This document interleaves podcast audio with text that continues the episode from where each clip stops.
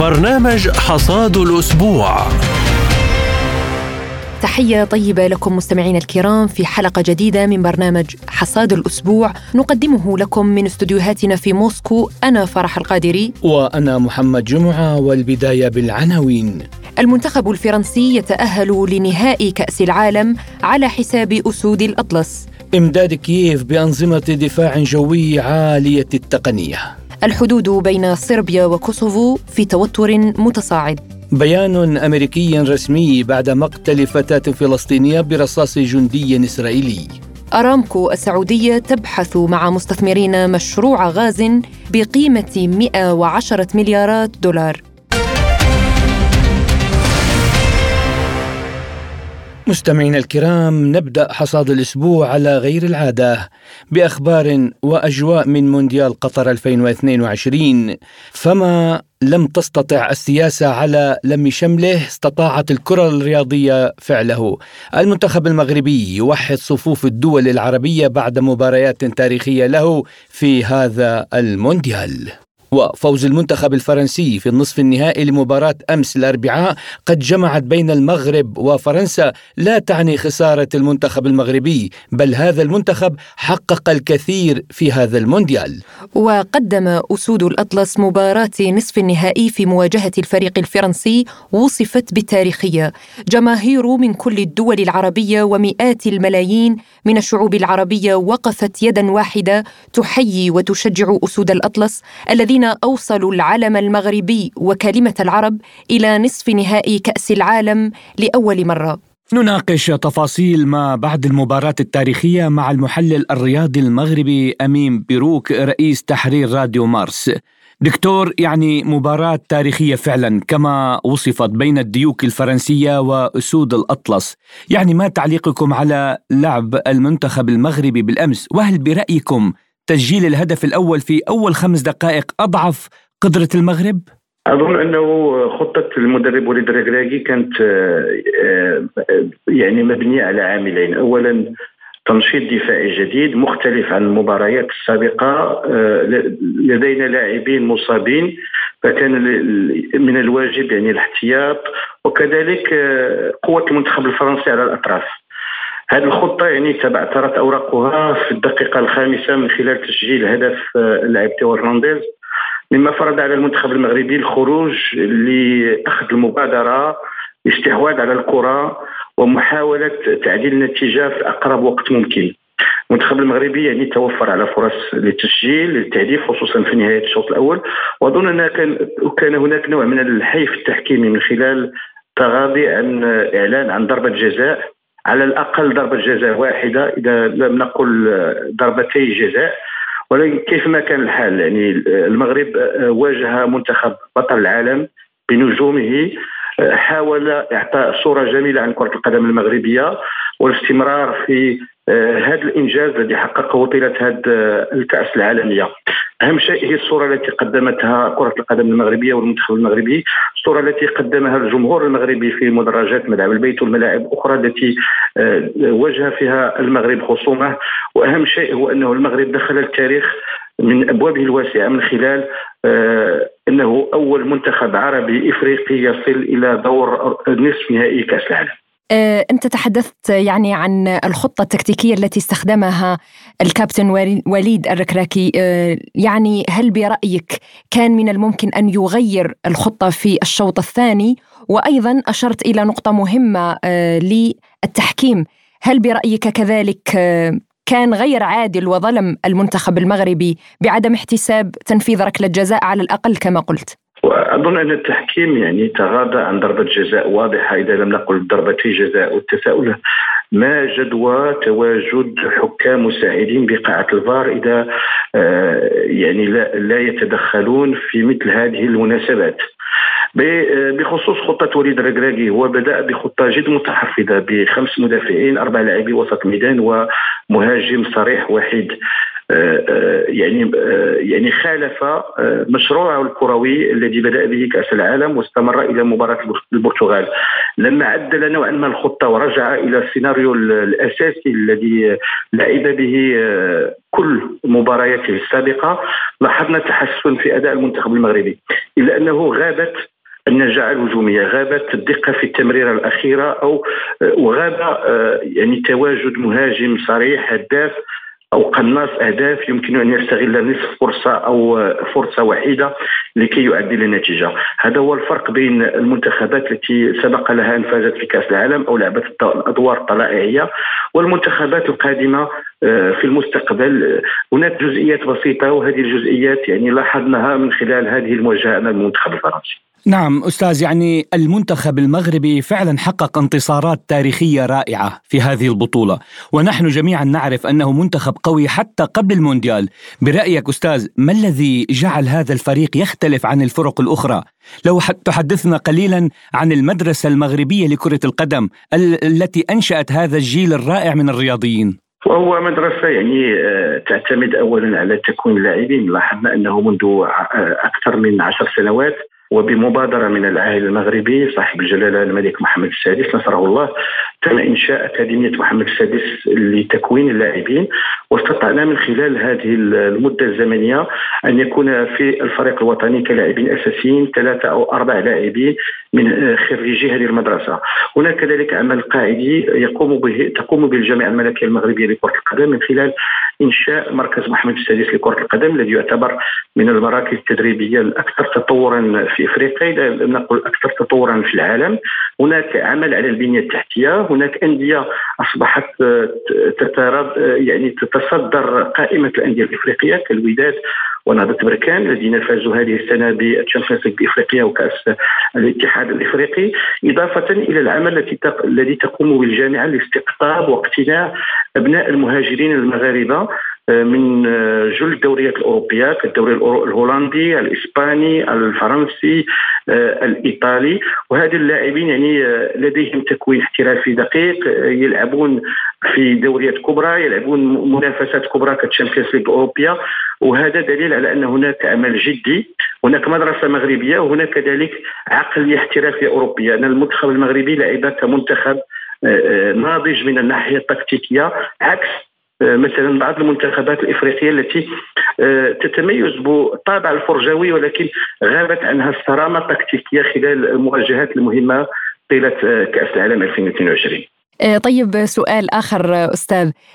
المنتخب المغربي لعب مباراتين يعني صعبتين كما يقال سواء مع البرتغال أو مع إسبانيا، هل برأيكم أثرت هذه المباراتين على آه، يعني القدرة الجسدية للاعبين وأيضا الضغط الضغط العالمي آه، وكأنه واقع على كاهل كل الفريق المغربي باجتياز المنتخب الفرنسي؟ أظن أنه العامل البدني كان له تأثير كبير لأن المنتخب الفرنسي يعني استطاع أن يداور أن يقوم بعامل المداورة من خلال دور المجموعات واللقاء الثالث أمام المنتخب التونسي حينما غير آه، آه، تسع لاعبين أساسيين في هذه المواجهة. استطاع إراحة هذه اللاعبين. المنتخب المغربي من المباراة الأولى إلى المباراة الأخيرة يعني لاعب تقريبا بنفس التشكيله فهناك آه، يعني عامل بدني تأثير العياء الإصابات وخصوصا العامل كذلك العصبي لأنه المباراة أمام إسبانيا كانت مباراة حاسمة المباراة أمام البرتغال كانت مباراة استنزفت قوى اللاعبين المغاربة. أظن أنه آه، يجب استخلاص دروس من هذه المشاركة. للفوز بكأس العالم أو لعب مباراة نهائية في كأس العالم هناك جزئيات بسيطة يجب التعامل آه، يعني التعامل معها منها تواجد دكة بدلاء من نفس قيمة اللاعبين الأساسيين من أجل القيام بعملية المداورة وإراحة بعض العناصر التي لها دور آه، أساسي مرجعي في المنتخب الوطني. أستاذ هل لديكم آه، توقع للخطة التي يست... سيستخدمها الركراكي في مواجهة كرواتيا؟ اولا آه، العامل الزمني الركراكي سوف يسابق الزمن لأن هناك فقط يومين لإعداد هذه المباراة عكس المنتخب الكرواتي الذي له 24 ساعة إضافية بحكم أن المباراة لعبت في يومين متباينين أو مختلفين.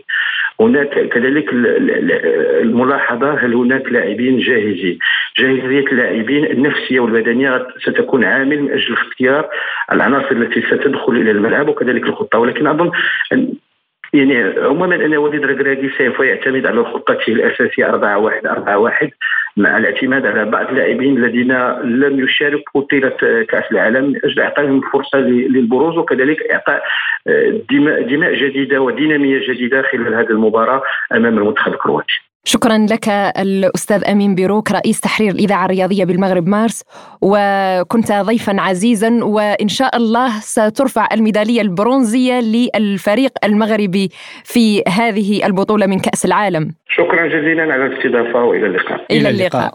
ننوه هنا مستمعينا الكرام إلى أنه دائما في مباريات كرة القدم تقع حوادث وأعمال شغب بين مناصري الفرق الرياضية خاصة بعد الهزيمة، لهذا حقيقة لا يجب أن تؤثر نتائج المباريات على الجانب الأمني للناس والمشجعين، التشجيع لا يعني ممارسة أعمال الشغب، حتى اللاعبين أنفسهم لا يودون أن يروا مثل هذه التصرفات، بالعكس تماما سعادتهم بتحيات جماهيرهم. بشكل سلمي. وهنا يعني زميلي محمد لقي فتى يبلغ من العمر 14 عاما مصرعه في مدينة مونبولييه الفرنسية إثر دهسه بسيارة بعد اندلاع أعمال شغب في فرنسا عقب المباراة التي جمعت المنتخبين الفرنسي والمغربي. وإثر ذلك اندلعت اشتباكات تبادل فيها الطرفان إطلاق الألعاب النارية والرشق بالحجارة والزجاجات وكذلك القمامة من الحاويات في الشوارع. عن أعمال الشغب هناك في فرنسا فرنسا عقب المباراة يحدثنا مراسل سبوتنيك أفريكا. أنتوني ليفيفر. Alors concrètement, la situation après le match بالنسبة للوضع بعد المباراة فقد كان هناك صراع في مونبلييه حيث توفي مراهق يبلغ من العمر 14 عاما. ولكن كانت هناك أيضا مشاهد فرح في مدن فرنسية أخرى. وأعني بشكل خاص ستراسبورغ ونانت والشانزليزيه في باريس حيث سارت الأمسية بسلاسة تقريبا. لقد كانت هناك عدة حوادث طفيفة وتم حلها بشكل سريع. بشكل عام كانت هناك احتفالات في البلاد باستثناء الأحداث كما قلت في مونبلييه وكذلك في ليون فبعض المشجعين أصيبوا بخيبة أمل حقا وقد شاركوا في أعمال الشغب سواء من جانب المغرب أو من جانب فرنسا. لكن هذا يحدث في كل مرة بعد المباراة. هناك دائما أناس محبطون وسعداء. أما بالنسبة للوضع الآن فقد عاد الناس إلى العمل ونحن نفكر بالفعل في نهائي يوم الأحد. وعما إذا كانت هذه الأحداث ذات صبغة عنصرية أكثر من كونها رياضية علق يقول Alors, dire que ces incidents ont un caractère raciste يستحيل القول إن هذه الأحداث عنصرية أكثر منها رياضية وأنا أختلف مع ذلك تماما. نرى بانتظام الأحداث بعد الأحداث الرياضية وقد وقعت الكثير من الأحداث في البطولة الفرنسية لكرة القدم مؤخرا سواء قبل المباريات أو بعدها. وهذا ليس عنصريا إنه فقط بعد الأحداث الرياضية. قد يكون لديك أشخاص يتشاجرون فقط ولا يستمتعون. لأن كرة القدم هي قبل كل شيء عطلة وليست سببا للاشتباكات. يظهر أيضا عدم وجود تنظيم من جانب قوات الشرطة في فرنسا الذين لا يستطيعون التعامل مع الحشد كما تفعل قوات إنفاذ القانون في ألمانيا. الألمان ممتازون في هذا المجال وحول قضية العنف في الرياضة نشر مؤخرا تقرير بعنوان تقرير باور الذي دعا إلى إنهاء العنف في ملاعب كرة القدم الفرنسية وإنشاء نظام لتحديد هوية المشجعين أي لزيارة الملعب ستحتاج إلى بطاقة مشجع. هذا هو نفس النموذج بالضبط. والذي بموجبه أصبح من الإلزامي الآن حضور مباريات كرة القدم في روسيا. لذا فيما يتعلق بالعنصرية حسنا إذا كنت ترغب في ذلك. هناك مجموعات يمينية متطرفة تدخل في النزاع لكنها أقلية. لا تخلط بين الأقلية والأغلبية.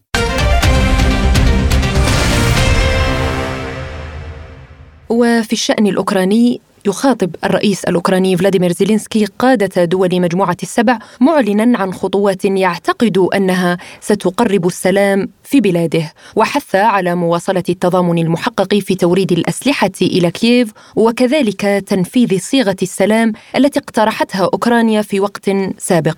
قالت المتحدثة الرسمية لوزارة الخارجية الروسية ماريا زخارفا في إفادة صحفية اليوم بأن موسكو اهتمت بمناشدة زيلينسكي التي طالب فيها بمساعدة عسكرية ومالية إضافية من رعاة نظام كييف. وطالبت المناشدة أيضا روسيا بالبدء في سحب قواتها بحلول عيد الميلاد كما وطالبت العالم أجمع بعقد قمة عالمية بشأن تنفيذ صيغة السلام التي وضعها زيلينسكي المنفصلة عن الواقع. وتابعت Захарова تقول بهذا الصدد ما يلي. مبادرات السلام الزائفة هذه مغلفة بكلمات حول الالتزام بالأساليب الدبلوماسية للتسوية. وهذه مرة أخرى يظهر زيلينسكي كما يقول عنه شركاءه الغربيون متعب ومرهق. يبدو أنهم في كييف لا يفكرون في أي صيغة لإنهاء الحرب على الإطلاق. وتبقى المهمة الرئيسية للنظام هو الانتصار في ساحة المعركة. لهذا في تخيلاتهم هنالك حاجة إلى المزيد من الأسلحة. لم يتم تضمين المفاوضات مع روسيا في خطط زيلينسكي فهي محظورة على المستوى التشريعي. هكذا هي خطة سلام في غاية البساطة. لقد أكدت روسيا مرارا في ردها على الأسئلة ذات الصلة وتقديم الإيضاحات أن موسكو ليست من قاطعت المحادثات في إبريل بل كان نظام كييف هو من فعل ذلك. إن من يتحمل المسؤولية الكاملة عن رفض الدبلوماسية كوسيلة لإيجاد الحل هو نظام كييف. إن الحقائق الجديدة الآن هي التي تشكل صورة جديدة على الأرض. وبناء على ذلك وكما قالت القيادة الروسية بالفعل سيكون من الصعب عليهم ببساطة التوصل إلى أي اتفاقيات لاحقا.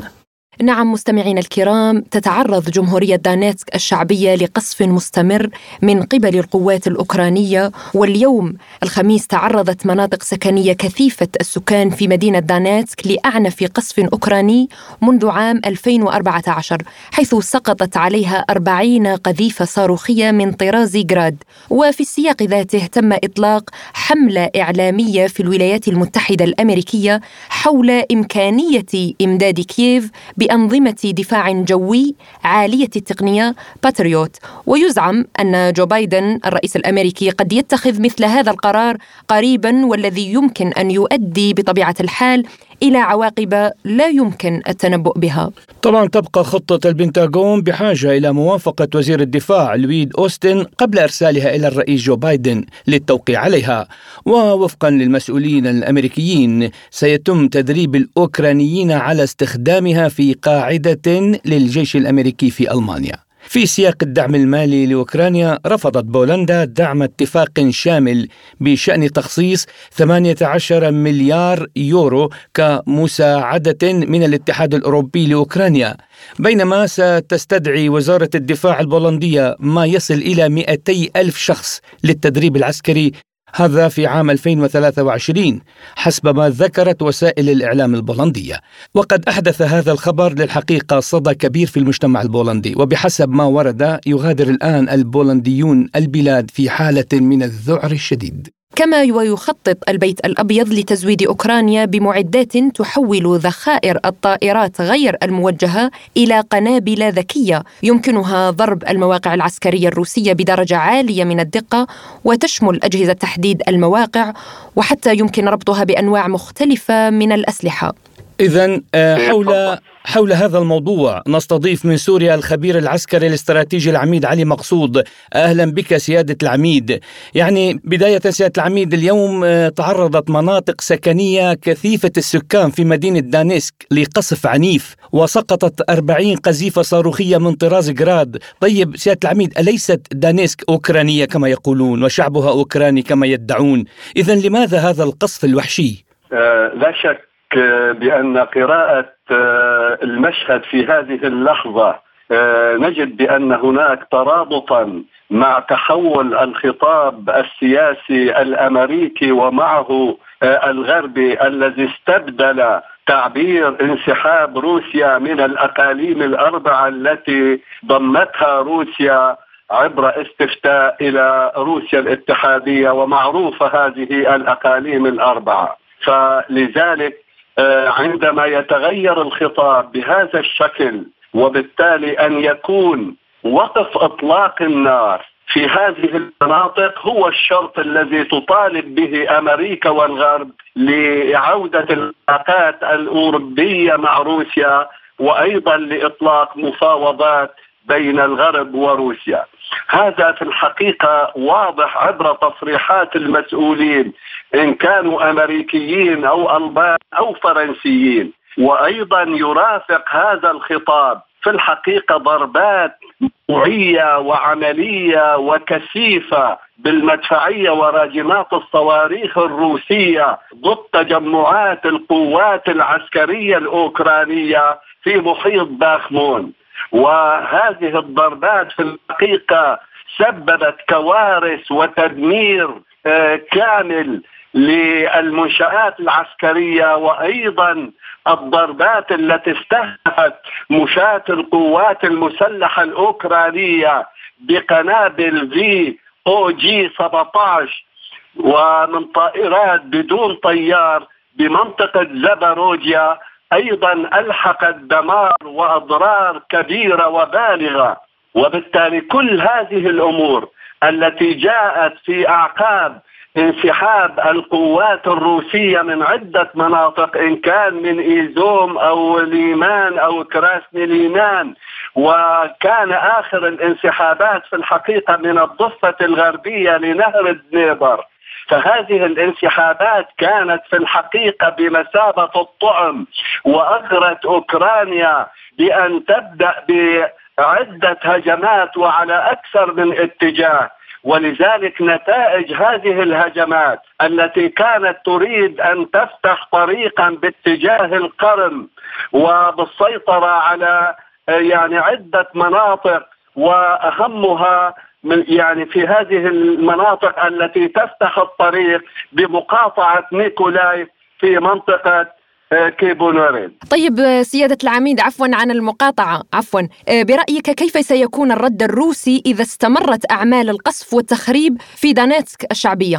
آه، لا شك بأن الضربات الروسية التي ذكرتها آه، على تجمعات القوات المسلحة في محيط باخمون وأيضا في منطقة زباروجيا لذلك سيكون هناك بعد أن دمرت البنية التحتية وصرحت رئيسة المفوضية الأوروبية بأن محاولات أمريكا لشيطنة روسيا بوتين في الحقيقة انقلبت إلى كارثة حقيقية فأصبحت أوروبا في ظلام وينقصها الكهرباء والغاز وبالتالي هم أمام كارثة حقيقية. وهم من يدفعون ثمن العقوبات التي أوقعوها على روسيا؟ أنا أؤكد بأن هذا التصعيد آه، يراد منه بعد أن أعلنت أمريكا وهي تدرك وقد جربت آه، فاعلية وتأثير منظومات الدفاع الجوي البتريوت في اليمن عندما فشلت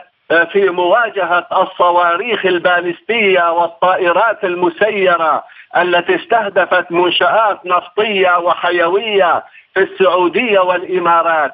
هذه المنظومات التي بدأت أمريكا تزود أوكرانيا بها بتقديري هي لكي تظهر عملية الدعوة إلى مفاوضات وإلى فعلا إعادة العلاقات ورفع العقوبات عن روسيا من مظهر القوة.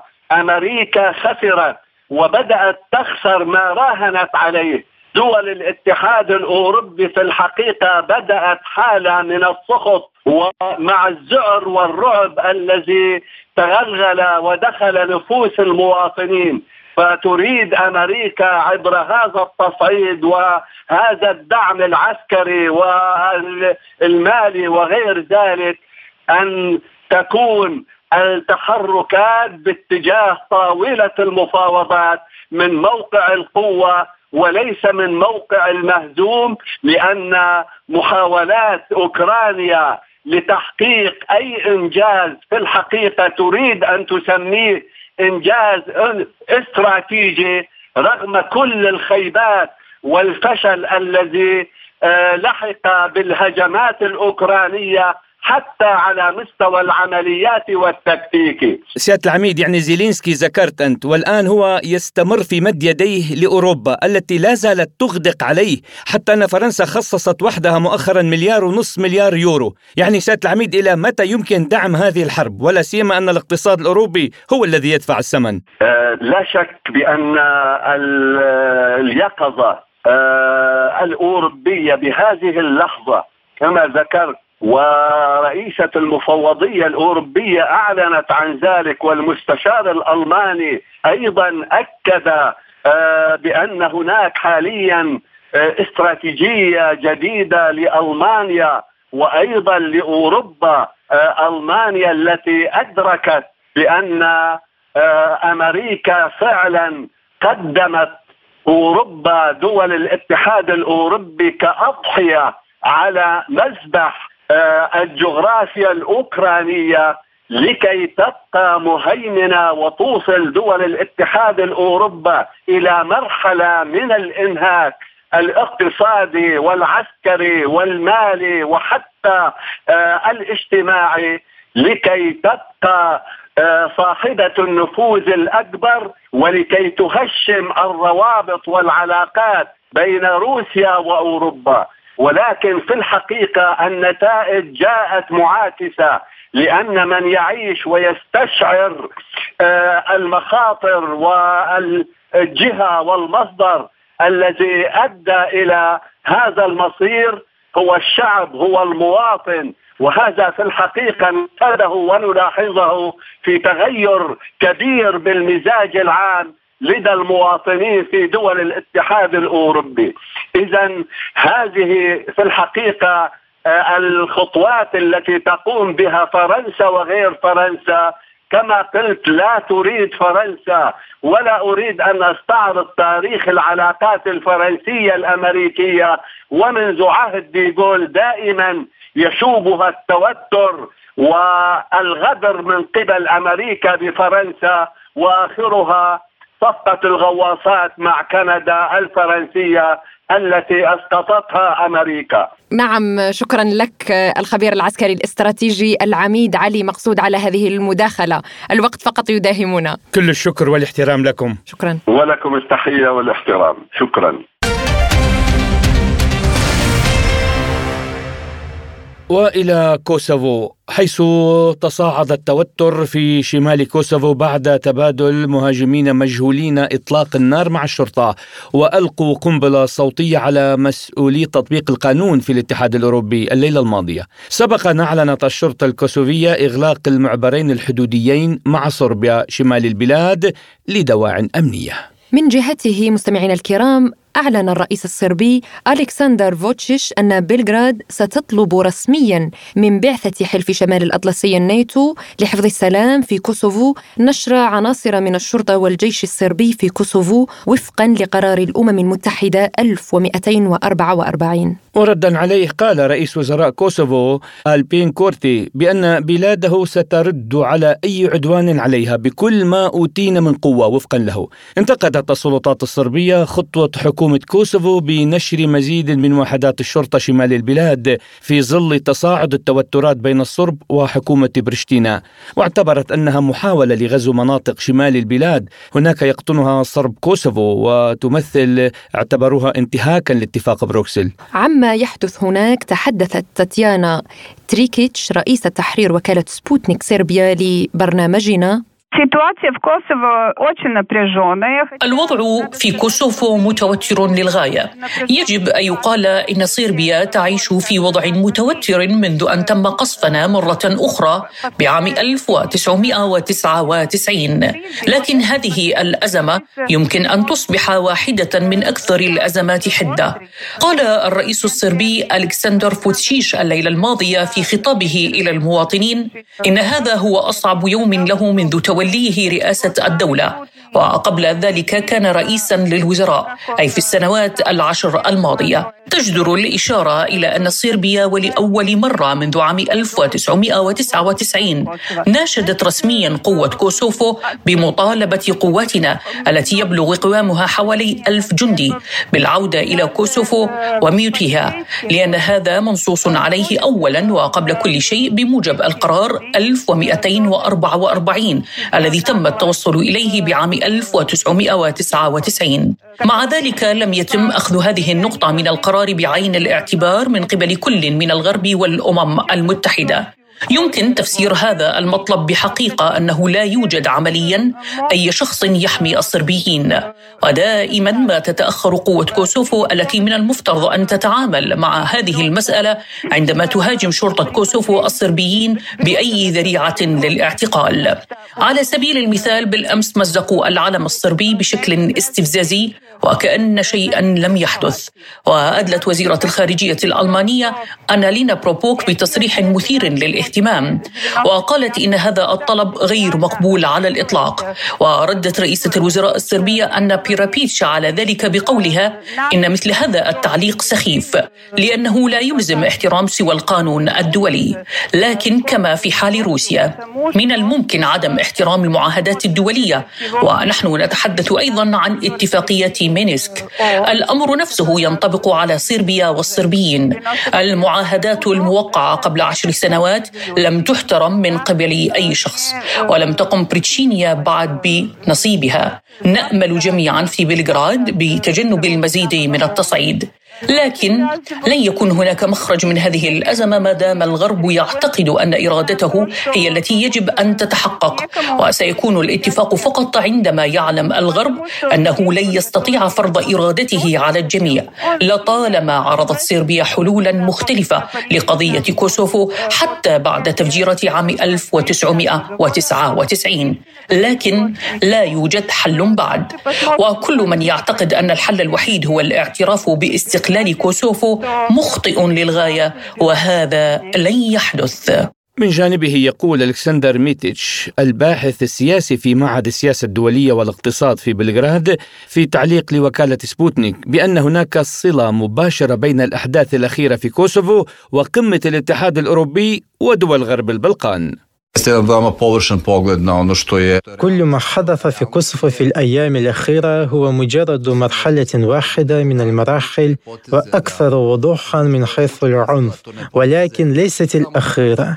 الحقيقة هي أن رئيس وزراء جمهورية كوسوفو المعلنة من جانب واحد البن قرتي يسمح لنفسه بالمرور بكل هذا التصعيد لأنه يحظى بدعم الأساسي من الدول الغربية وخاصة ألمانيا. هناك علاقة مباشرة بين الأحداث الأخيرة في كوسوفو وقمة الاتحاد الأوروبي ودول غرب البلقان. بسبب وجود رغبة الدول الغربية في حل قضية كوسوفو في أسرع وقت ممكن وربما في حزمة مع عقوبات ضد روسيا. هذا الأمر يلعب دورا مهما فيما يحدث حاليا.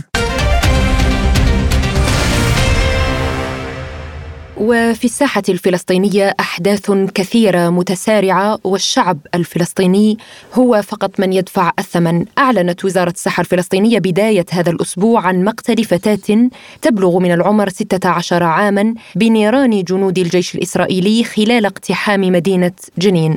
وذكرت وسائل إعلام فلسطينية أن الفتاة تدعى جنى مجدي عصام الزكارنة وتوفيت بعد إصابتها برصاصة في الرأس من قبل جنود الجيش الإسرائيلي. فرح نحن سمعنا حقيقة أنه ثلاث إصابات طفيفة في الساق وصلت للمستشفى ابن سينا. هناك مستشفى متخصص طبعا بهذا الصدد في جنين. إذا أعربت الولايات المتحدة الأمريكية عن أسفها لمقتل طفلة فلسطينية في جنين شمال الضفة الغربية. وبينما كانت هذه الطفلة فوق سطح منزلها خلال اقتحام القوات الإسرائيلية للمدينة. وهذا مستغرب جدا. نعم يعني تستمر الانتهاكات الإسرائيلية للأفراد الفلسطينيين وللمواطنين و دائما الغرب والمجتمع الغربي يعني يغلق عينيه عما يحدث حقيقة في فلسطين. يعني هناك بيان صادر من من الولايات المتحدة الأمريكية عبر فيه عن أسفه لما حدث ولهذه الحادثة بمقتل الطفله الفلسطينية وقال إن الإدارة الأمريكية تتفهم أن الجيش الإسرائيلي يجري تحقيقا فيما حدث وتأمل في رؤية تحمل المسؤولية الكاملة في هذه القضية. دائما يعني الولايات المتحدة الأمريكية تكيل بالمكيالين. يعني ما ماذا يفيد هذا البيان أو ماذا سيزيد؟ هل سيرجع يعني الضحايا والأطفال الذين تم قتلهم برصاص الجيش الإسرائيلي وكما يقولون بين قوسين عن طريق الخطأ؟ يعني من هذه المفارقة العجيبة آه، أسئلة كثيرة تطرح نفسها يا فرح. تصور أن واشنطن تحاول بكل الطرق الآن إرضاء الدول العربية ولا سيما في هذا التوقيت. يعني ما هو رد فعل المجتمع الدولي على الأحداث الأخيرة في فلسطين؟ برأيك هل سيتم معاقبة ومحاكمة الجنود الإسرائيليين على جرائمهم كما تمت محاكمة رؤساء وأسماء بارزة عربية على أيادي غربية سابقا؟ سنتحدث أكثر زميلي محمد عن هذا الموضوع ونستضيف الأستاذ أكرم عطلة الخبير بالشؤون الإسرائيلية أهلا وسهلا بك وشكرا لك على تلبية الدعوة إذا أردنا الحديث عن المواقف الأمريكية بخصوص الانتهاكات الإسرائيلية بحق الشعب الفلسطيني. اليوم نرى تصريح رسمي آه، أمريكي بخصوص مقتل هذه الفتاة. كيف تقرؤون هذا الموقف في هذا التوقيت؟ هل هو استمالة؟ يعني آه، للوقوف مع أمريكا خصوصا أنها تعيش يعني أزمة اقتصادية حادة وكشفت آه، الأوراق للجانب العربي. هو هذه المواقف الأمريكية غير الحادة وغير الحاسمة آه، هي ما يشجع إسرائيل على استمرار ما تمارسه في الضفة الغربية، لو كان هناك موقفا امريكيا حادا كان يمكن أن تتصرف الحكومة الإسرائيلية بشكل أكثر آه، انضباطا وأقل نعم. ضحايا. الولايات المتحدة الأمريكية محرجة، هي في جنين آه، قتلت إسرائيل شيرين ابو عاقله صحفية سيدة تحمل الجنسية الأمريكية، هذا شكل ضغطا داخليا على الولايات المتحدة الأمريكية والآن ليس هناك مبرر لمقتل فتاة صغيرة لا علاقة لها بكل الأحداث الدائرة في الضفة الغربية. هذا يضع الولايات المتحدة في حرج. تريد أن تتخلص من هذا الحرج بمواقف لا تسمن ولا تغني من جوع بالنسبة للفلسطينيين. ماذا يعني أن تأسف الولايات المتحدة الأمريكية؟ الجميع نعم. يأسف على آه، مقتل فتاة صغيرة ولكن بالنهاية ما هو الموقف؟ هذا لا يحمل موقف. هذا مجرد شعور نوع من التضامن نوع من التعاطف ولكنه لا يشير إلى أن هناك ضحية وهناك مجرم وهذا المجرم يجب أن يتعاقب ويجب أن يوضع له حد.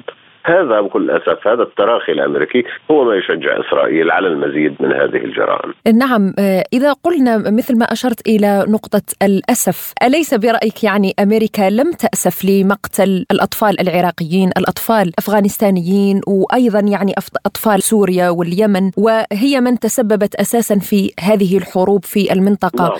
العربية، هناك كما قلت تضارب في المواقف وأشرت أنت إلى نقطة مقتل الصحفيه شيرين أبو أبو عاقلة التي رفض الجانب الإسرائيلي أساسا واعتبر أن أمريكا تتدخل في الشؤون الداخلية لإسرائيل. يعني آه، ما حدث في آه، كثير من المناطق في العالم هو فعل أمريكي.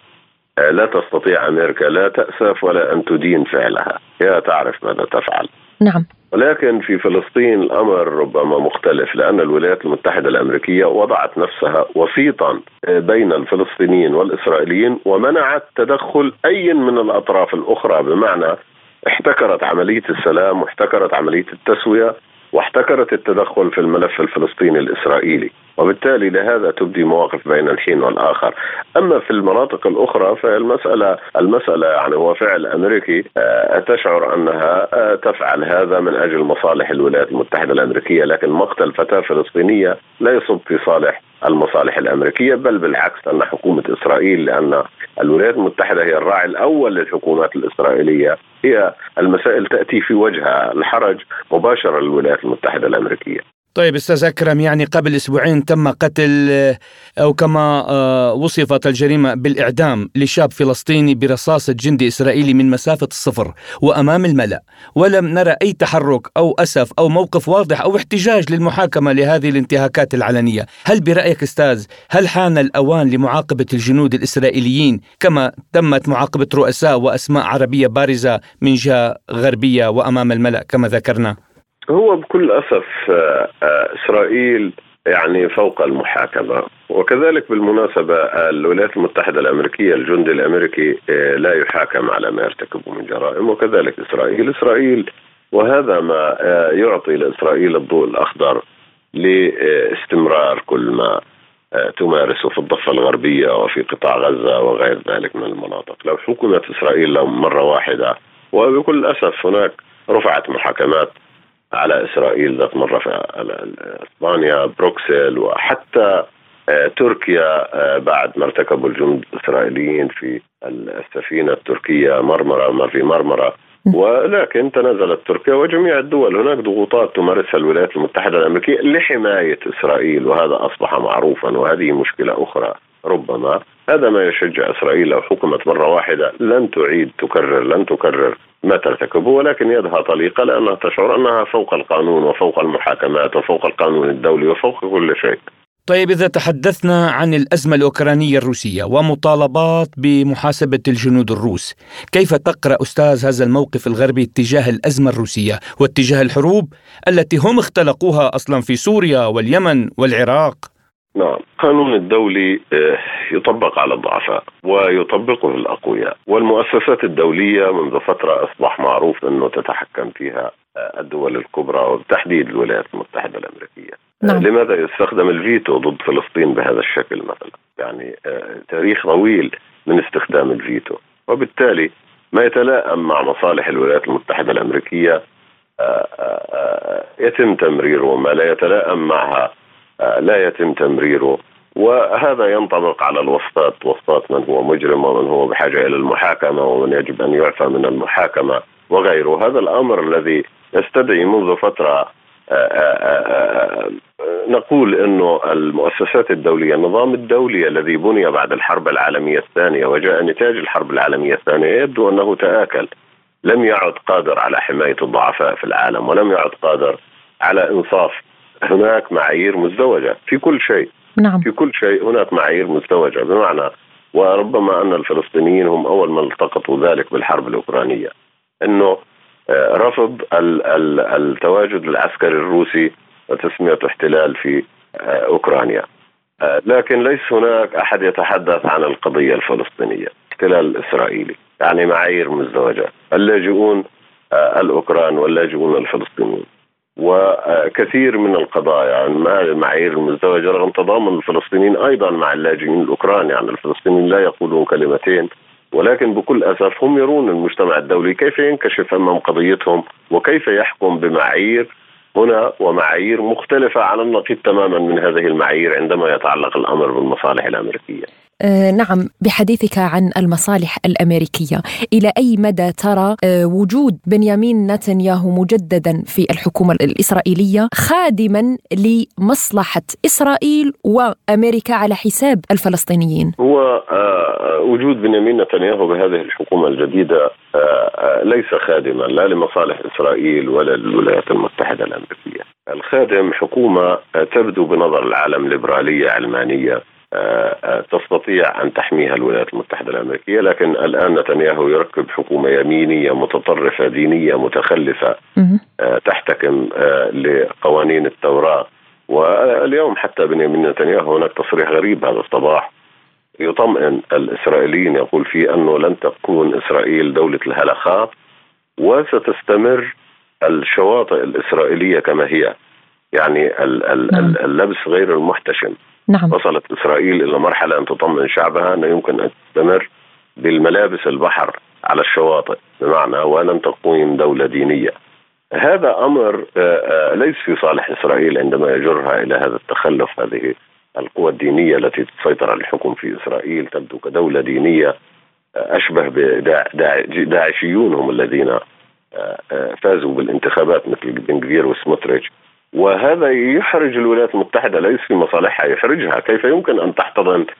آه، هذه الداعشية اليهودية التي آه، تتسلم مقاليد الحكم في إسرائيل. ولا, ولا أقول ذلك لأنه يعني نوع من التجني على إسرائيل بل أن ما, آه، ما يقترحه سموتريتش والحاخامات الذين يقفون خلفه وحاخامات يهودوت فترة وحاخامات شاس هم فعلا هم في أصولية دينية شاس من ضمن أهدافها كما كانت تقول مع كل حملة انتخابية إقامة مملكة التاج. مملكة أحدى من ممالك إسرائيل القديمة التي تحلم بها والتي وأساطير وخرافات وغيره بمعنى أنه إسرائيل تذهب باتجاه الدين ليست دولة علمانية. هذا ليس في صالح الإسرائيليين وليس في صالح الأمريكان. لا أحد يستطيع تغطية إسرائيل. حتى أوروبا أوقفت اتفاقية اليوروبول التي كانت بصدد توقيعها مع إسرائيل بتبادل المعلومات حول المواطنين في الضفة الغربية تخشى الجميع يخشى من هذه الدولة يعني ليس فقط آه، خشية من داعش باعتبارها منظمة إسلامية ولكن أيضا هناك خشية من التطرف اليهودي، الدين اليهودي الذي يتقدم في الانتخابات ويعيد إنتاجه الشعب اليهودي، هذا هذا ليس في مصالح إسرائيل وليس في مصالح الولايات المتحدة الأمريكية ولا حتى أوروبا. نعم شكرا لك الاستاذ أكرم عطله الخبير بالشؤون الإسرائيلية على هذه المداخلة. وقبل أن ننتقل إلى الشق الاقتصادي قال الرئيس التركي رجب طيب أردوغان إنه عرض على الرئيس الروسي فلاديمير بوتين فكرة عقد اجتماع ثلاثي مع الرئيس السوري بشار الأسد لافتا إلى أن بوتين رحب بالفكرة. وتابع الرئيس التركي يقول نريد اتخاذ خطوات مشتركة مع روسيا وسوريا وللقيام بذلك يجب أن تلتقي أجهزتنا الاستخباراتية أولا ثم وزيري الدفاع والخارجية وبعد ذلك الاجتماعات نجتمع نحن القادة. كما أضاف أردوغان الخطوات التي نتخذها حيال تطبيع العلاقات مع سوريا تأتي في إطار مصالحنا الوطنية. وفي الشأن الاقتصادي أرامكو السعودية تبحث مع مستثمرين مشروع غاز بقيمة 110 مليارات دولار حيث أجرت الشركة السعودية المنتجة للنفط أرامكو محادثات في مرحلة مبكرة مع مستثمرين محتملين في الأسهم من شأنهم أن يساعدوا في تمويل تطوير حقل غاز غير تقليدي ضخم بقيمة 110 مليارات دولار في المملكة. تخطط الشركة السعودية المنتجة للنفط لاستغلال أحد أكبر حقول الغاز غير التقليدية في العالم. مصادر مطلعة كشفت بأن أرامكو تواصلت مع شركات الأسهم الخاصة والصناديق الكبيرة الأخرى التي تستثمر في البنية التحتية كجزء من الخطط والتي يمكن أن تعرض حصصا في أصول مثل مشاريع احتجاز الكربون وتخزينه وخطوط الأنابيب وأيضا محطات الهيدروجين. أدت الأزمة الروسية الأوكرانية إلى زيادة محمومة في الطلب على الغاز الطبيعي وذلك بقيادة الدول الأوروبية التي كانت أصلا تحصل تقليديا على إمداداتها من روسيا، فهل تستغل الدول الخليجية قدراتها النفطية واستثماراتها في توسيع إنتاجها للغاز وتنويع صادراتها من الطاقة بعيدا عن النفط؟ عن هذا الموضوع نستضيف معنا من المملكة العربية السعودية المحلل الاقتصادي السعودي الدكتور سليمان عبد المحسن العساف. أهلا وسهلا بك دكتور سليمان وشكرا لك على تواجدك معنا. يعني كما ترون في ظل ما يعيشه العالم اليوم ولا سيما الدول الأوروبية والغربية من ركود اقتصادي أزمة في الطاقة بسبب يعني تداعيات الأزمة الروسية الأوكرانية. هل برأيك هذه فرصة ذهبية؟ إيجابية لدول الخليج خاصة السعودية في تطوير استثماراتها في مجال النفط والغاز أهلا وسهلا بكم. أعتقد أن السعودية ودول الخليج ستزيد استثماراتها سواء في أنواع الطاقة، تكلمنا عن النفط أو عن الغاز لعدة أسباب. العالم يواجه ركود، التكلفة على تطوير الحقول وما يسمى ال upstream وال downstream ستكون منخفضة أكثر من السابق بسبب قلة الإقبال العالمي على التطوير بسبب وجود المشاكل الاقتصادية وحالة عدم اليقين والركود وإلى آخره. لذلك ستستغل دول الخليج هذه الفرصة من أجل تطوير حقولها بشكل كبير والبحث عن اكتشافات جديدة. دكتور سليمان هل برأيك آه، ستستغل قدراتها النفطية واستثماراتها وتوسع إنتاجها للغاز؟ المملكة العربية السعودية مهتمة بإنتاج الغاز بشكل كبير لوجود كثير من الحقول الغير مكتشفة كما أن الغاز يدخل في صناعة البتروكيماويات وهو أمر مهم وحيوي للمملكة العربية السعودية بدلا من أن تصدر النفط الخام ستقوم بتطوير مثل هذه الحقول واستغلالها لإنتاج منتجات أخرى وليست منتجات أساسية. ستكون هناك أولية وقد تكون تحويلية. لذلك هذا أمر مهم جدا وحيوي للمملكة العربية السعودية من أجل أن تكون لا لاعبا اساسيا كما هي في النفط ستكون لاعبا اساسيا في الغاز. يعني حسب رأيكم هل تعتزم المملكة زيادة الصادرات من الطاقة بعيدا عن النفط؟ وهل سنشهد اتفاقات مع دول تضررت من أزمة الطاقة؟ رأينا أن المملكة العربية السعودية تتجه الآن بشكل كبير إلى أنواع الطاقة. تكلمنا عن الغاز أو الطاقة المتجددة الطاقة النظيفة. كما رأينا أنها وقعت أمس. الاستحواذ على حوالي 10% من واحدة من أكبر الشركات في العالم في الطاقة المتجددة طاقة الرياح سواء البحرية أو البرية. لذلك أعتقد أن السعودية ستكون لاعبا أساسيا من ناحية طاقة الرياح الطاقة الشمسية الطاقة النظيفة كما أنها تستهدف إلى إنتاج الطاقة من الطاقة النووية. لذلك هناك تنويع لمصادر الدخل تنويع لأنواع الطاقة. لا ننسى انه العالم يتجه الآن إلى تقليل الاحتباس الحراري والانبعاثات الكربونية والسعودية تعهدت أنه في 2050 ستصل إن شاء الله إلى صفر انبعاثات. من أجل ذلك وأشياء أخرى تسعى المملكة أن تكون رائدة وسباقة في هذا الأمر. طيب برأيكم دكتور يعني ما هي أكثر الدول التي ستشارك في تنفيذ هذا المشروع؟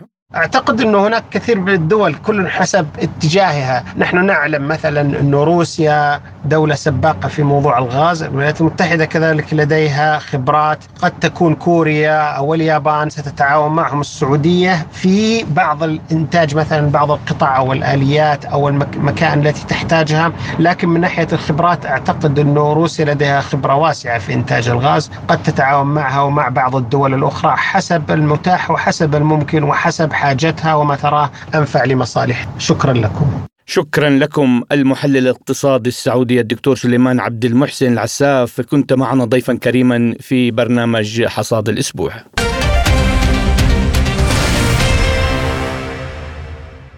ننتقل إلى موريتانيا حيث لا تزال العبودية قائمة خاصة ضد عدد من القبائل التي أجبرت على النضال من أجل حياتها واحدة من هذه القبائل تعرف بقبائل الحرطين ويعتبر الحرطون أنفسهم مواطنين من الدرجة الثانية على اعتبار أنهم ينحدرون من الأرقاء السابقين وأغلبهم من البشر السمراء حيث يعانون من التهميش والاضطهاد ويمارس ضدهم شتى أنواع الرق والعبودية والتمييز في التعليم والصحة والعمل وعادة ما يخرجون بشكل دوري في تظاهرات تقودها منظمات حقوقية على رأسها ميثاق الحرطين ينادون بضرورة إنهاء التمييز والظلم الواقع ضدهم. وعلى الرغم من الجهود الحكومية المضنية في مواجهة ظاهرة الرق والعبودية يؤكد الحرطون أنهم حصلوا على بعض الامتيازات لكنها غير كافية وأن رقا واستعبادا لا يزال يمارس ضدهم مطالبين بضرورة المساواة بشكل كامل بينهم وبين مكون العرب أي البيضان كما يطلق عليهم من قبل الموريتانيين. نشير مستمعينا الكرام إلى أن موريتانيا أطلقت في السادس من ديسمبر آه، من هذا العام حملة وطنية جديدة للتوعية بأهمية القضاء على ظاهرة الرق والممارسات الاستعبادية والتمييز العنصري في البلاد وذلك في محاولة لفرض وتعزيز المساواة بين مواطنيها ومحاربة الفوارق الاجتماعية. رئيس ميثاق الحراطين يربى ولد نافع صرح لسبوتنيك نحن مكون الحراطين عشنا وضعية نتيجة لعدة عوامل. العامل الأول هو أن المكون أن سكان الموريتانيين الأصليين هم كانوا موجودين. هضم عليهم سكان جدد. هذو سكان جدد. استخدموا الدين كوسيلة لاستعباد الناس. استخدموا آآ آآ القوة كاستعباد للناس. وبالتالي أصبحت هناك طبقات مختلفة من حيث النفوذ من حيث التعلم من حيث كذا. هذا من بداية مكونة تكوين الدولة الموريتانية. بعد ذلك في دولة الحديثة دولة الاستقلال 1960 أو ما قبل ذلك دولة 1958 عند مؤتمر ألاق مؤتمر ألاق الذي عقد في ألاق 1958 كان من مكونين المكونين آه، حضروا أي المكون آه، العرب أو البيضان كما نسموهم نحن ومكون مجموعة من الجنود للتفكير في وضع الأسس الأساسية لموريتانيا الحديثة. استمعنا إلى ما قاله رئيس ميثاق الحراطين يربى ولد نافع. استمعنا إلى ما قاله رئيس ميثاق الحراطين يربى ولد نافع. من جانبه عضو مجلس النواب الموريتاني أباب ولد بنيوك تحدث أيضا لسبوتنيك عن معاناة هذه القبائل إلى غاية اليوم. الله رحمة أخي وائل بالنسبة لموضوع العبودية. هذا الموضوع موضوع كان مظهر اهتمام ونقطة اهتمام للأنظمة كل الأنظمة التي حكمت موريتانيا من تاريخ استغلالها وإن اختلفت المعالجات أو على الأقل اختلفت آه، الأولوية في المعالجة. ولكن من استغلال موريتانيا إلى اليوم شكل آه، نقطة مهمة من نقاط آه، نقطة شكل أولوية وشكل محل اهتمام كبير لدى كل النخب السياسية التي حكمت موريتانيا. هذه النقطة الأولى التي أود أن أنبه إليها. هذا من جهة. من جهة ثانية هذا الموضوع أيضا موضوع العبودية موضوع معالجة العبودية ومعالجة مخلفاتها شكل مدخل للحضور السياسي لدى بعض النخب من مكونة الحراطيم.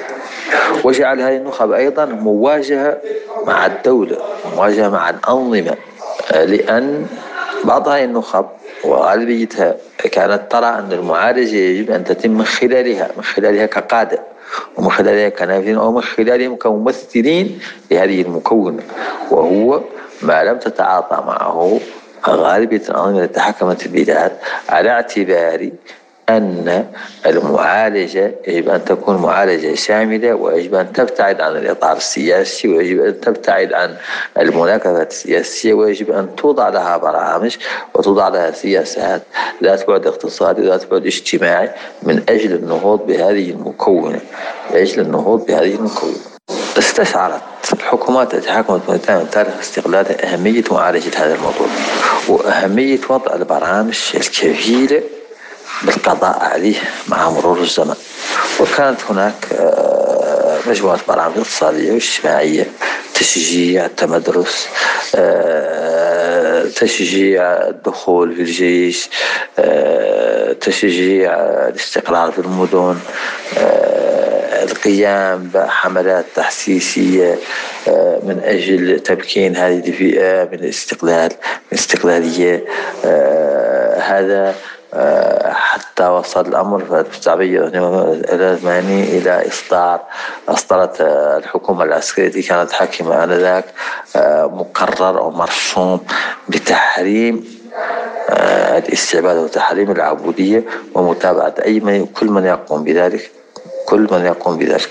أيضا انتهجت الحكومات آه، التي حكمت البلاد وإن بشكل غير معلن أو غير مؤسس قانونا ولكنه موجود انتهز عملية التمييز الإيجابي من خلال التمييز الإيجابي في الوظائف التمييز الإيجابي في التعيينات آه، التمييز الإيجابي في الحضور.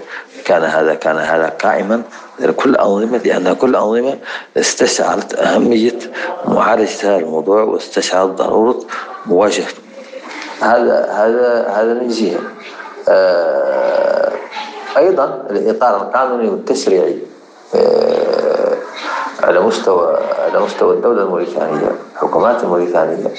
آه، من 2007 أصدرت الحكومات الموريتانية المتعاقبة مجموعة من القوانين المجرمة للعبودية واستحدثت محاكم خاصة بمعالجة هذا الاسترقاق وبمعالجة كل من يرتكب هذه الجريمة. ووضعت لها محاكم خاصة وموجودة اليوم ومنتشرة بالعديد من ولايات الوطن. كل ذلك من أجل مراقبة آه هذه الظاهرة. كل ذلك من أجل حد من انتشارها. كل ذلك من أجل الضرب بيد من حديد على كل من يقوم بها.